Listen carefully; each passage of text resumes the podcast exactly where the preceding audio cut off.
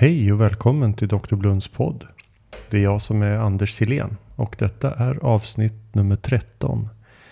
Jaha, det går lång tid mellan avsnitten och hur mycket jag än försöker hitta på bra ursäkter så eh, slutar det bara med att jag måste erkänna att jag nog är lite lat. Jag ska försöka vara lite mer aktiv i fortsättningen men eh, jag lovar inget. Dagens ämne är i alla fall eh, steroider vid sepsis. Och eh, var vi befinner oss nu efter att eh, den stora Adrenal-studien publicerats. Vi börjar med lite bakgrund som vanligt.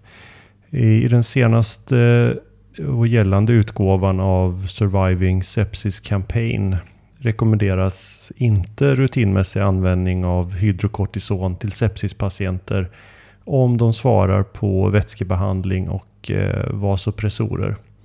För de patienter som inte svarar föreslås intravenöst hydrokortison i en dos på 200 mg per dag.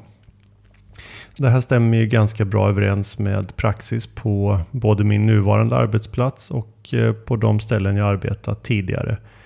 Man eh, sätter in kortison när man har ökat infusionstakten av noradrenalin till en subjektivt upplevd hög nivå.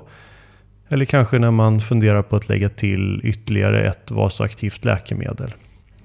Rekommendationen i de här riktlinjerna anges eh, som svag och baserad på evidens av låg kvalitet. Så låt oss ta en snabb titt på bakgrunden till rekommendationen. Den eh, teoretiska fördelen med att ge kortison till sepsispatienter baseras på att vi vet att kroppen själv ökar produktionen vid stress och att en extra tillsats skulle kunna förstärka det svaret. Att kortison är antiinflammatoriskt vet vi redan och eh, sepsis kan ju ses som inflammationernas moder. Den eh, första kliniska studien på steroider vid sepsis gjordes redan på 60-talet då gav man 100 mg kortison oralt till sepsispatienter. Men man kunde inte visa någon skillnad i överlevnad. 1976 publicerades en studie av Schumer. Eh, I den gav man väldigt höga doser av steroider till patienter med septisk chock efter kirurgi. Det handlade om doser i storleksordningen 30 mg per kilo eller mer av intravenöst eh, metylprednisolon. Eh, I den studien såg man en stor skillnad i överlevnad med fördel för den gruppen som fick steroider. Och det gjorde att högdossteroider vid sepsis blev eh, i det närmaste standardbehandling i slutet av 70-talet och början av 80-talet. Under 80-talet gjordes ytterligare ett antal studier med högdossteroider till sepsispatienter. Eh, de studierna var mer väldesignade än Schumers och ingen av dem visade förbättrad överlevnad. En av dem från 1987 visade till och med ökad mortalitet i steroidgruppen. Så i slutet av 80-talet slutade man nästan helt med steroider vid sepsis. Jag kan väl också nämna att eh, parallellt med detta avlivades ju också myten om att högdos metylprednisolon var fördelaktigt vid traumatisk ryggmärgsskada. Även där såg man ökad mortalitet för de patienter som fick steroider.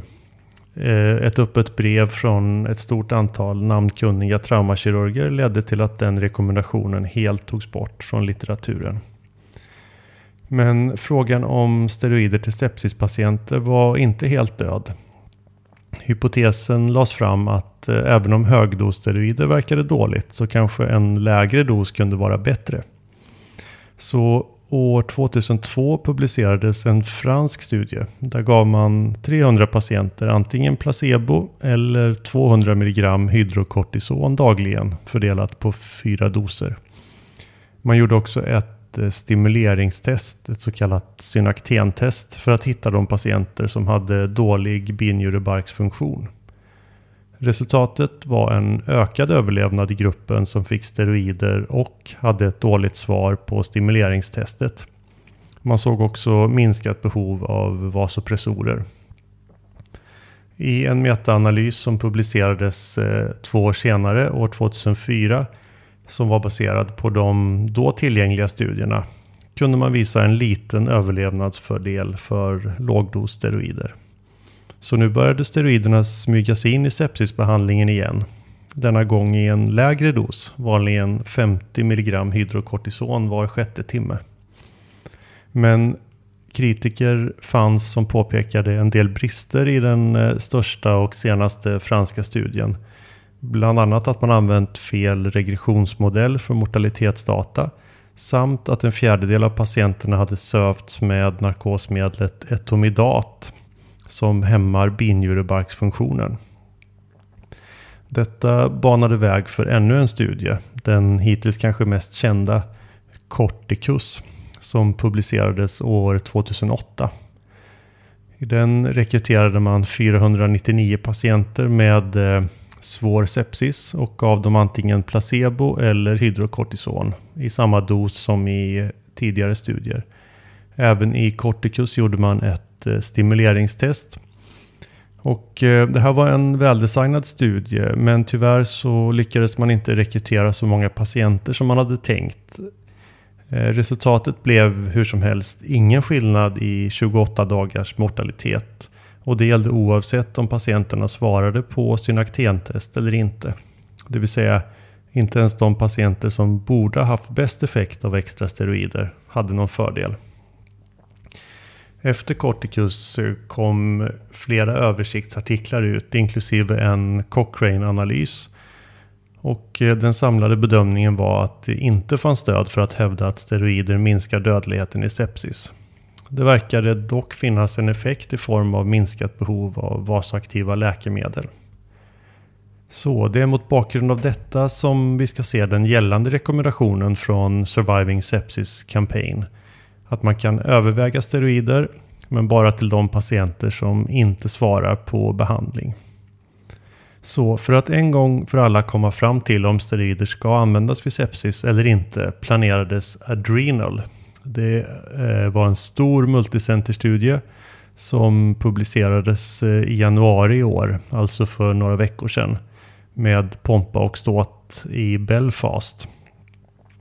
Adrenal inkluderade 3658 patienter. Det är alltså den i särklass största studien hittills på det här området. Eh, patienterna kom från 69 olika intensivvårdsavdelningar ifrån flera länder. Och för att inkluderas så måste patienterna ha en eh, dokumenterad eller starkt misstänkt infektion. De måste uppfylla minst två SIRS-kriterier. Vara i eh, behov av respiratorstöd, inklusive icke-invasiv eh, ventilation. Och behöva vasoaktiva läkemedel i minst fyra timmar före randomiseringen. Så hälften av patienterna, alltså ungefär 1800 stycken, fick placebo. Och den andra gruppen fick hydrokortison, eh, 200 mg per dag, eh, som en kontinuerlig infusion. Och eh, den behandlingen pågick i max sju dagar eller tills de skrevs ut från IVA. Och det primära utfallsmålet var 90 dagars mortalitet.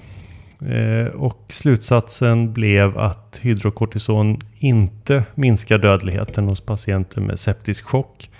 Och detta gällde också i alla fördefinierade subgrupper. Till exempel de med hög respektive låg Apache-score. Så nu när det finns en stor välgjord studie som inte visar någon fördel så kan vi med gott samvete lägga steroiderna på hyllan för gott. Eller? Ja, Eh, det kanske inte är riktigt så enkelt. Man kan nämligen hitta några andra intressanta fynd i Adrenal. Eh, till exempel var det en starkt signifikant skillnad i antal dagar till återhämtning från chock. Eh, tre dagar i kortisongruppen mot fyra i placebogruppen. Mediantiden till utskrivning från IVA var också signifikant 10 mot 12 dagar med fördel för steroidgruppen. Det var fler eh, biverkningar i steroidgruppen, eh, vilket väl inte är så överraskande. De flesta var lindriga. Eh, allvarliga biverkningar såsom GI-blödning var också fler i gruppen som fick kortison, men totalt sett var de väldigt sällsynta. Den absoluta riskökningen för allvarliga biverkningar var ungefär en på 900. Så min tolkning av de här resultaten är istället den här. Eh, 200 mg hydrokortison per dygn intravenöst är säkert vid sepsis. Om vi behandlar 1000 patienter med septisk chock med intravenöst kortison så sparar vi 2000 IVA-vårddygn och 1000 dagar med behov av vasaktiva läkemedel.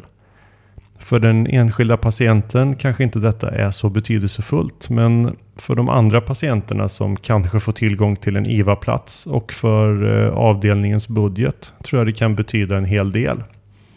Så från och med nu kommer jag nog att sätta in steroider tidigare i förloppet till de patienter som uppfyller kriterierna för septisk chock. Snarare än att eh, ta bort dem helt från min eh, eh praktik. Eh, tycker man att det är besvärligt med kontinuerlig infusion, till exempel för att eh, det blockerar en eh, infart, så finns det faktiskt stöd att fortsätta med fyra uppdelade doser istället.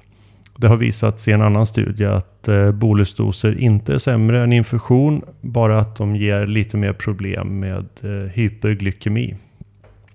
Slutligen så kan det passa att återknyta till Paul Marricks omdebatterade studie som jag refererade i avsnitt 4 som heter Apelsiner mot sepsis. Marick hävdar ju att en kombination av hydrokortison, C-vitamin och tiamin har en stor effekt på dödlighet vid sepsis. En av de starkaste argumenten mot att använda hans cocktail utan ytterligare studier har varit att vi inte vet riskerna med steroider till sepsispatienter. Och Adrenal visar ju, om inte annat, att det inte verkar vara särskilt farligt att ge lågdos hydrokortison till patienter med sepsis. Att C-vitamin och tiamin är ofarligt, det vet vi ju redan. Så för den som känner sig lockad att prova Marix recept kan detta också användas som stöd. Själv väntar jag nog på fler eh, välgjorda studier när det gäller den saken. Men sammanfattningsvis.